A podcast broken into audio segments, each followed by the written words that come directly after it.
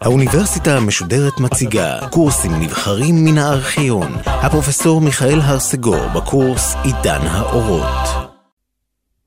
ראינו שהתוצאה הבולטת ביותר של מלחמת הירושה האוסטרית הייתה הופעתה של פרוסיה כמעצמה, ושל ראשה, פרידריך השני פון הוהנצולרן.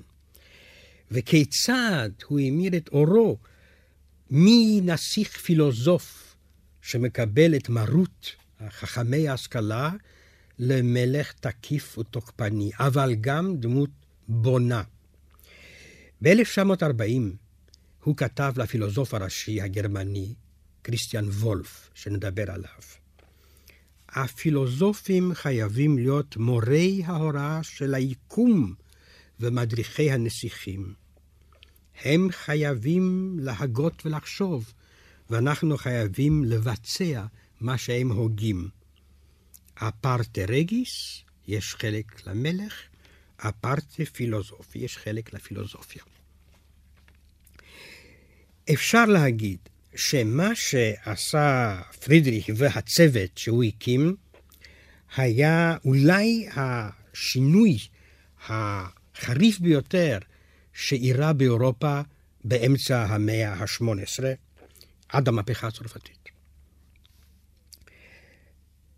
קודם כל, מדינה קטנה באופן יחסי, חמישה מיליון נפש, פרוסיה, עוברת בקפיצה אחת, אמרתי, מן המזרח למערב. המלך הזה הוא הראשון אשר מחייב את נתיניו הקטנים מגיל חמש עד שלוש עשרה ללכת לבית הספר. חינוך חובה חינם בפעם הראשונה באירופה, וזה רעיון של המשכילים, זה רעיון של הפילוסופים. אמנם זה לא עד כדי כך חינם, מפני שבסופו של דבר יצא, אנחנו מכירים מקרים שחינוך חינם עולה בכסף, שההורים היו חייבים לממן את ההוראה. אבל המורה הוא אחראי על השתתפות הילדים, והוא נענש אם ילדים אינם באים לבית הספר. זה רעיון מעניין מאוד. מקימים סמינר מורים לברלין, וכאשר חייל איננו עוד מסוגל להיות חייל קרבי, הוא נשלח לסמינר להיות מורה. מכאן הסגל להוראה הפרוסית. ומאה שנה לאחר זאת, יגיד מולטקה וביסמרק, שמי שמנצח בזאת הקרב זה המורה העממי ולא הנשק. בכל אופן, מדינה הזאת אבסולוטית אבל נאורה. היא פתוחה לפליטים. פרידריך מזמין את כולם, כל מי שנרדף על דתו ועל השקפותיו, מוזמן לבוא לפרוסיה.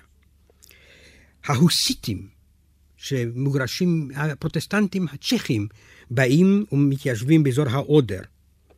ובטורינגיה, 40 אלף סקסונים מדרום מזרח גרמניה באים ומתיישבים. כאשר מתחילים לרדוף את הישועים, אויבי הפרוטסטנטים, פרידריך פותח את שערי פרוסיה גם לקתולים, וגם לקלוויניסטים, וגם לאנבפטיסטים. פרוסיה מתחילה להיראות בעיני פשוטי העם כמו אמריקה במאה ה-19. המקום שאם אתה מגיע לשם, תהיה לך פרנסה, ולא תהיינה עוד רדיפות. אמרתי שיחד עם הדגש החזק שהוא שם על הצבא, אה, הבין פרידריך יותר מן הצרפתים, וכמו האנגלים, את חשיבות הכלכלה ואת חשיבות התעשייה. הוא ידאג שמספר הפועלים התעשייתיים לא ייפול ממספר החיילים. וכמובן הפועלים לא גויסו, רק האיכרים גויסו לצבא. בסוף מלכותו יגיע מספר הפועלים התעשייתיים ל-150 אלף, מה שזה דבר גדול מאוד באירופה של המאה ה-18. אה, תעשיית הטקסטים מתפתחת בשלזיה, תעשיית הכותנה, הבנק של ברלין נפתח ב-1965. בסוף מלכותו, מספר התעל, אורך התעלות החוצות את פרוסיה יגיע לעשרת אלפים קילומטרים, וזה ללא דוגמה. על ידי הזמנה מסיבית של הולנדים, של פריזים, של שוובים, ואמרתי, של אחרים, מצליח פרידריך להפוך מדינה שאביו מסר לו, בעלת אוכלוסייה של שניים וחצי מיליון, כפי שאני אמרתי, לחמישה מיליון. זה גאות דמוגרפית עצומה, אף מעצמה לא יכלה להשתבח בגידול מהיר כל כך וחשוב כל כך. הוא מזמין תפוחי אדמה כדי לפתור את בעיית הרעב והבצורת, ותפוח אדמה, קרטופל, הופך לתפריט היסודי של העיקר הפרוסי, אבל גם משחרר את פרוסיה מפחד המחלות והצרות אשר הוא בנת חלקם של מדינות חקלאיות אחרות. הדת היא נושא שפרידריך בעצמו אדיש לחלוטין. הרי בסוף חייו הוא ביקש שיגברו אותו עם כלביו, בפינה של הגן. אבל כאשר הוא מקבל מכתבים, זה מכתב מפורסם מאוד בראשית מלכותו, האם אפשר לקבל בעיר בעל דת כזאת ובעל דת כזאת? אז הוא כותב להם, כל הדתות הן שוות וכולן טובות. alle Religionen sind gleich und gut. והוא מבקש שהנתינים שלו לא יתחילו להתווכח איתו מה טוב מה רע, כולם. וכאשר אומרים לו, כבר אומרים שהוא טורקי על מישהו, אז הוא אומר, אם יבואו טורקים, אז נבנה להם מסגדים. וגמרנו. זה כמובן גישה לחלוטין, אה, שונה לחלוטין ממלכי אירופה. מה שהלהיב את הפילוסופים, זה שהפעם, הרי סוף סוף הוא דיבר כמו פילוסוף, אבל זה הפילוסוף הזה הוא מלך. הוא יושב על, על, על כס מלוכה. Uh, הוא בעצמו היה אכול אמביציה ושאפתן שלא התבייש בשאיפותיו. הוא נהג להגיד שאם אתה עושה תוכניות קטנות, אתה תישאר נמושה. יש לעשות תוכניות גדולות, אשר לא מצליחות כולן, אבל אפילו אם תוכנית אחת מצליחה, אז אתה קונה לעצמך שם. פרידריך השני, מלך פרוסיה, למרות כל מה שנאמר ונכתב, איננו לאומן גרמני. הוא בכלל לא דיבר גרמנית, הוא דיבר צרפתית. את אות ההצטיינות העליון של פרוסיה, הוא קרא לזו למען הזכות בצרפתית, פור למריט. את ארמון הקיץ שהוא בנה על יד ברלין, הוא קרא ללא דאגה, בצרפתית, סן סוסי. הוא בקושי דיבר גרמנית. מה שהוא רצה זה משמעת ונאמנות למלך פרוסיה, לנשר השחור של פרוסיה, ולא לאיזושהי לאומיות גרמנית. הצבא הפרוסי הפך הצבא המודרני ביותר באירופה. החייל הפרוסי יכול היה לראות שלוש פעמים ברגע, שלוש פעמים ב-60 שניות, מה שהיה השיא הטכני שאפשר להגיע. הרובים שלו, כלומר הכדורים, היו מגיעים ל-225 מטר. זאת אומרת, הטווח הארוך ביותר שרובה יכול היה אה, לראות אז באירופה. אה, האבק השריפה שהיה בתוך הכדור, 15 גרם, היה המספר הגדול ביותר, אבל כאן גם הרעש, אבל גם התוצאה הייתה מאוד מאוד מרשימה. פרידריך לא יכול היה לבצע את שחרור הצמיתים של ממלכתו, מפני שהוא היה זקוק לקצינים והקצינים היו בעלי אחוזה, היונקרים הפרוסים המפורסמים, ואלה לא היו מסכימים בשום אופן לקבל, אה, לעמוד מול איכרים חופשיים. אבל אה, הקצינים קיבלו משכורת קטנה ביותר, אה, והיו חיים הרבה יותר, המצב הרבה יותר ירוד מן הסוחרים והתגרנים של ברלין ושל הערים האחרות. הוא העלה את תהילה הצבא הפרוסי לא על ידי המעמד הכלכלי שלה, אלא על ידי השירות שהם היו uh, מביאים למדינה. כאשר גנרל פרוסי סירב לתת את ביתו, יחידתו, לסגן משנה, מפני שסגן משנה סוף סוף, מי יודע מה הוא יגיע, כתב לו פרידריך מכתב איום, ששם הוא אמר שהמשפחה שלך לא תתקדם על ידי עבר המין של בתך, אלא על ידי החרב של חתנך. וכמובן שהגנרל הרכין את ראשו והסכים לנישואי הבת. הוא היה גס מאוד כשהיה צורך שיהיה גס. Uh, המשמעת הפרוסית הפכה מפורסמת בעולם כולו. פרידריך אמר בציניות, חייל חייב להתקדם מול לוע של 300 תותחים, ועל כן הוא חייב לפחד יותר מקציניו מן המוות. ועל כן כמובן הוא הקים את הצבא הזה, המאוחד, שעליו לא דיברו כל כך הפילוסופים, אלא דיברו בעיקר על הצד האזרחי והתרבותי של המפעל שלו. פרידריש במשך חייו לחם עם מדינות אשר מספר האוכלוסין שלה עלה פי חמישים על אוכלוסיית ארצו, ולמרות רגעים קשים ביותר שעבר, הוא הצליח כמובן לנצח. ועל כן הניצחון הוסיף לכנפיים השחורות של הנשר שלו אותה הילה זוהרת, שאפילו פילוסופים אינם יכולים להיות אדישים כלפיהם. אבל כמובן, פרידריך, אם כי הוא היה קודם כל מלך ואחרי זה חייל, היה, אמרתי, פילוסוף במובן של המאה ה-18. והוא ניסה, אם כי לא חשב שהדבר יצליח, ליצור גם שכבה של משכילים, של אינטלקטואלים גרמנים מסוגם של הידידים הצרפתים שלו. בכל אופן, כוכב ממדרגה ראשונה אה, אחד האיר את שמי פרוסיה. זה היה כריסטיאן וולף, אשר אה, פרידריך, בעתיקו את המנהג האנגלי, כששמע שמלכי אנגליה העלו את ניוטון לדרגת אביר ונתנו לו תואר של סר, גם הוא עשה מן הפילוסוף הזה, אה, וולף, ברון, כלומר בעל האצולה. מי היה כריסטיאן וולף? ובכן, הוא היה פרופסור של מתמטיקה באוניברסיטה של האלה, אשר נאלץ לעזוב את הקתדרה שלו מפני שהדתים הקיצוניים, הפייטיסטים, האשימו אותו שהוא למעשה עוסק בתעמולה אנטי-דתית. הדבר, בין הדברים הראשונים שעשה פרידריש כאשר עלה על כס המלוכה של פרוסיה, זה היה להחזיר את וולף לאוניברסיטה.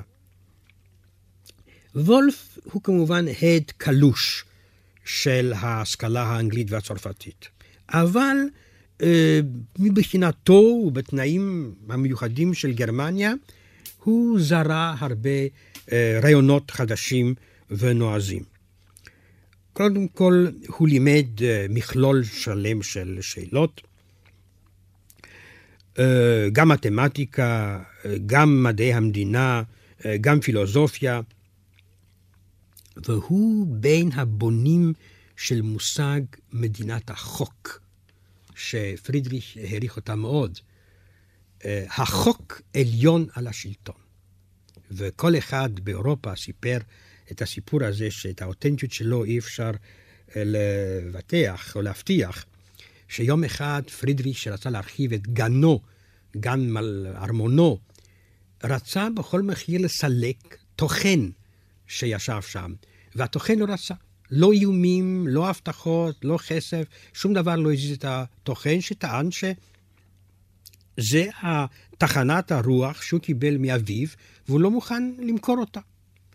בסוף אמר המלך, אם לא תמכור לי את התחנה ואת החלקה, אז פשוט אני אקח אותה בכוח. ואז הטוחן השיב לו, ישנם שופטים בברלין.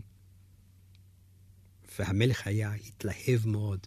כלומר, אם הסיפור נכון, כלומר, אפילו עיקר פשוט יודע שפרוסיה היא מדינת חוק, והמלך אינו יכול באופן שירותי לסלק אדם, אפילו אם הוא טוחן פשוט וללא השכלה. ובכן, כריסטיאן וולף אה, הבהיר בהוראתו שישנו חוק אלוהי, לקס דיווינה, שהוא חוק הכנסייה, וחוק טבעי, יוס נטורלי או לקס נטורליס, שהוא בנוי על החוק הטבעי שחייב להבטיח חיים, אה, חירות פנימית וקניין ושוויון לפני החוק, ושהמדינה היא ערבה לקיום החוק. למעשה, אלה הם רעיונות שפרידריך קיבל אותם, כל עוד לא מדובר באופוזיציה פוליטית, לא מדובר בפרלמנט, אלא מדובר בשופטים ישרים, הוא היה מוכן לתת להם כר נרחב מאוד לפעולה ולמנוע כל התערבות שירותית בתוך העבודה שלהם. כמובן שמול פרוסיה זאת, שהופכת עכשיו להיות מין יריבה שנייה לצרפת אחרי אנגליה, ניסה אפילו השלטון הצרפתי שהיה כל כך בטוח בעצמו, שהוא חשב שללמוד ולהיות מושפע על ידי אחרים זה פשוט פשיטות כבוד שלו להנהיג רפורמות. כישלון הרפורמות מוכיח עד כמה צרפת, מתכוון למנגנון, אה, לא היה מותאם לשינויים אה, אשר חלו באירופה.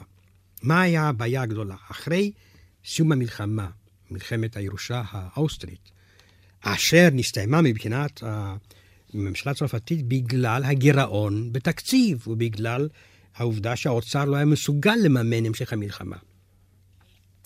הוא עמדה בכל חריפותה השאלה הגדולה של שוויון לפני המס. כי הרי סוף סוף זאת צרפת הייתה אחת המדינות הנדירות במערב אירופה, שהאצילים ואנשי הכנסייה לא שילמו פרוטה. אם כי אנשי הכנסייה מדי פעם היו מוסרים למלך מה שנקרא מתנת חינם, היא לא הייתה חינם בכלל. אבל האצולה לא שילמה. האצולה טענה שהיא משלמת את מס הדם, היא שופכת את הדם בשדות הקרב, על כן היא פטורה ממיסים. כלומר, יצא דבר מצחיק ביותר, או גרוטסקי, שבין עשירי צרפת, בעלי האחוזות הגדולות, היו פטורים ממס. על כן, מה, מה אפשר לעשות? ובכן, אחרי המלחמה, ב-1748, תחת השפעתו של מי שאפשר לקרוא לו שר האוצר, משו דרנוביל, ביקשה הממשלה הצרפתית שגם האצילים וגם אנשי הכמורה, החל ממאי 1749, ישלמו את החלק ה-20 של הכנסתם בתור מס הכנסה. המס לא היה גדול, החלק ה-20, יש הרבה אנשים שמשלמים מס הכנסה שהם מרוצים מאוד לשלם את החלק ה-20 בלבד. ובכן, זה לא קרה. הייתה התנגדות, כמה חזית של בעלי זכויות יתר, והמלך, שהיה בעל אופי חלש ביותר, נסוג. וזה אולי סמלי שהפרשה העלובה הזאת התרחשה בדיוק באותה תקופה, 1748-1749, כשמונטסקיו, שכבר הזכרנו אותו בתור בעל המכתבים הפרסים ובעל ההערות על גדולת הרומאים ושקיעתם, הוציא את ספרו הגדול והחשוב ביותר, רוח החוקים, לספרי דה לואה. זהו ספר שללא ספק השאיר ירושה שאנחנו עדיין חיים אותה. זה הספר שמפתח את תורת שלוש הרשויות, הרשות המוציאה לפועל, הרשות המחוקקת והרשות השיפוטית, אשר חייבות להיות עצמאיות זו מזו. מוטסקיו טען שזאת המסקנה שלו אה, ממה שהוא ראה ולמד על אנגליה. אם כי ללא ספק זה הרבה מאוד ממוטסקיו עצמו, ולא כל כך הרבה מאנגליה. הספר, שהוא ספר עצום, המהדורה הראשונה הגיעה כמעט לאלף עמודים, הפתיע מאוד. Uh, היחס של מוטסקיו לדת הוא מעניין. הוא טוען קודם כל שהדת עוזרת ללכד את האזרחים, אבל בתנאי אחד, שהממסד הדתי לא יוכל בשום אופן לגבור על הכוח הממלכתי. כלומר, הממסד הדתי חייב להישאר כל הזמן תחת פיקוח והשגחה המדינה החילונית. Uh, ריבוי הדתות בתוך מדינה אחת היא לא אסון, אלא סיבה של חופש הדעות. אין צורך לעשות תעמולה דתית. כל אחד חייב להישאר בדתו, אבל כל אחד חייב לסבול את דתו של הזולת. הספר, בפעם הראשונה, אה, אצל מוטסקיול בפורן, מעלה את הבעיה היהודית, והוא מזכיר את הרדיפות של האינקוויזיציה, ילדות בנות עשר שנשרפות על המוקד מפני שבפורטוגל ובספרד חושדים בהן שהן יהודיות. ואז הוא כותב, כאן עושים רעש גדול מאוד מפני שקיסר יפן כאילו מעלה נוצרים על המוקד. אבל מה עושה האינקוויזיציה בארצות קתוליות? לפחות אם אתם לא רוצים להיות נוצרים, תהיו בני אדם. זאת מחאה נגד רדיפות היהודים. הוא גם עוסק ביהודים בספר הגדול הזה של רוח החוקים, וטוען שחוסר הטעם של היהודים ואופיים המושפל בא מפני שהם לומדים תלמוד יותר מדי, וההוכחה זה שאי אפשר למצוא בקרב הרבנים אף אינטלקט אחד חשוב שאפשר להעריכו. מונטסקיו, רק פתח את הדרך לידידו הרוזן מבית בופון, אדם עשיר מאוד, שהיו לו גם מפעלי תעשייה, בין המעטים שהיו בצרפת, אבל אדם שעסק בביולוגיה, מה שנקרא היום ביולוגיה, כלומר בבוטניקה ובזואולוגיה. ובכן, אה, ביפון פרסם ב-1949 את הכרך הראשון של מה שהוא קרא היסטוריה טבעית. זה למעשה ספר של זואולוגיה. הוא מנסה להסביר את קיום החי עלי אדמות. אפשר לחשוב שזה נושא ניאוטרלי לחלוטין, אשר לא חייב לעורר התלהבות או זעם, אבל הספר גרם מיד לשערורייה כמובן, מפני שכדי להסביר את תופעת החיים עלי אדמות, הוא לא יכול להסתפק ב... הוא לא יכול להסתפק בקרונולוגיה הכנסייתית, חמשת אלפים שנה. הוא חושב שהאדמה סבלה תהליכים של עשרות אלפי שנים, והמאובנים הם הוכחה לכך. זה כמובן מיד עורר את הסורבונה, שהייתה האוניברסיטה של פריס, הכלבת השמירה של הממסד הקיים, והם דרשו מבופון לחזור בו. הוא חזר, והוא חזר בו, והמשיך לפרסם את ספרו. ככה שהוא בעצמו כתב לידיד שהם הסתפקו בהסבר שלי שהיה מטומטם ואידיוטי לחלוטין, אבל הם הסתפקו, למה לא? האמת היא שהם לא יכלו לגעת באדם שהיה גם רוזן, וגם מנהל של הגן הבוטני של המלך, וגם אדם שקרוביו היו בצמרת השלטון והחברה. בכל אופן, בהמשך הספרים, הוא טען שאלוהים לא המליח את הים, כפי שלימדו אז, אלא הסיבה של מליחות הים היא שונה. הוא ידע שבסיביר מצאו אה, שרידים של ממוטה, ועל כן כמובן בפו מגיע למסקנה שאלוהים לא יצר את הכל כפי שהוא, שהיו שינויים, והוא חושב שייתכן שהעולם קיים כבר 74 אלף שנים, ולא 5,000 או 6,000, כפי שטוענים התיאולוגים.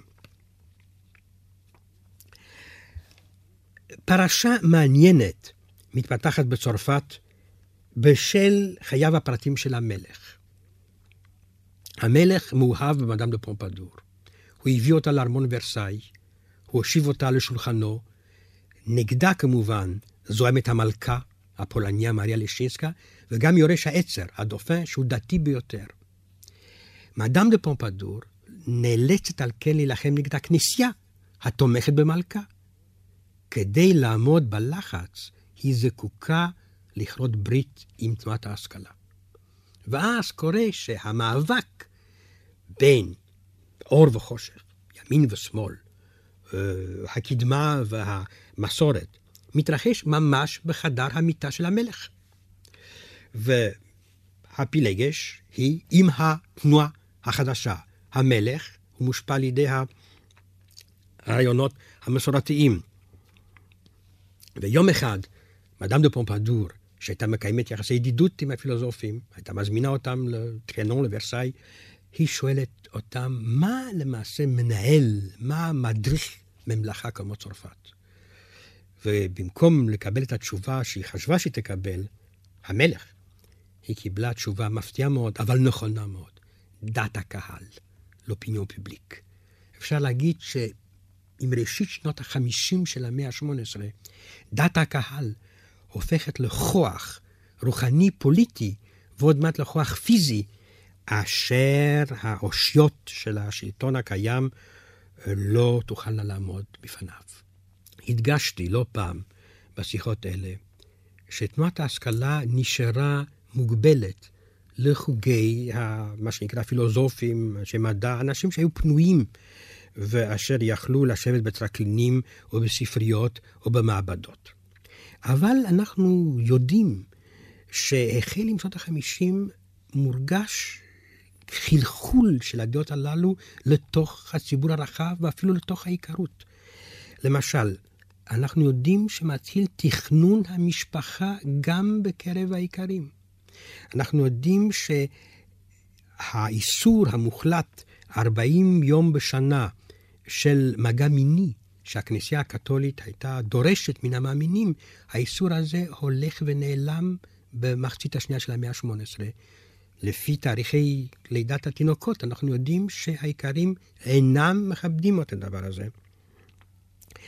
המספר של, ה, אה, של הנשים המתחתנות בגיל צעיר הולך ויורד. עכשיו הנשים מתחילות להינשא בגיל 20-25 ויותר. המנטליות שהעיקר זה לעשות ילדים ויהיה מה, נעלמת. ההורים אינם דואגים רק למספר הגדול של ילדים, כי המספר הגדול של ילדים זה המין ביטחון סוציאלי. אמנם חלק של ילדים ימותו, אבל אלה לו בחיים יתמכו בהורים. עכשיו, גם בחברה העירונית הזהירה, בבגרות הזהירה, וגם בעיקרות, מתחילה להופיע דאגה חדשה. חינוך לילדים, ועל כן פחות ילדים. אפשר להגיד שחלק אינטגרלי של המנטליות המערבית מתגבשת באמצע המאה ה-18.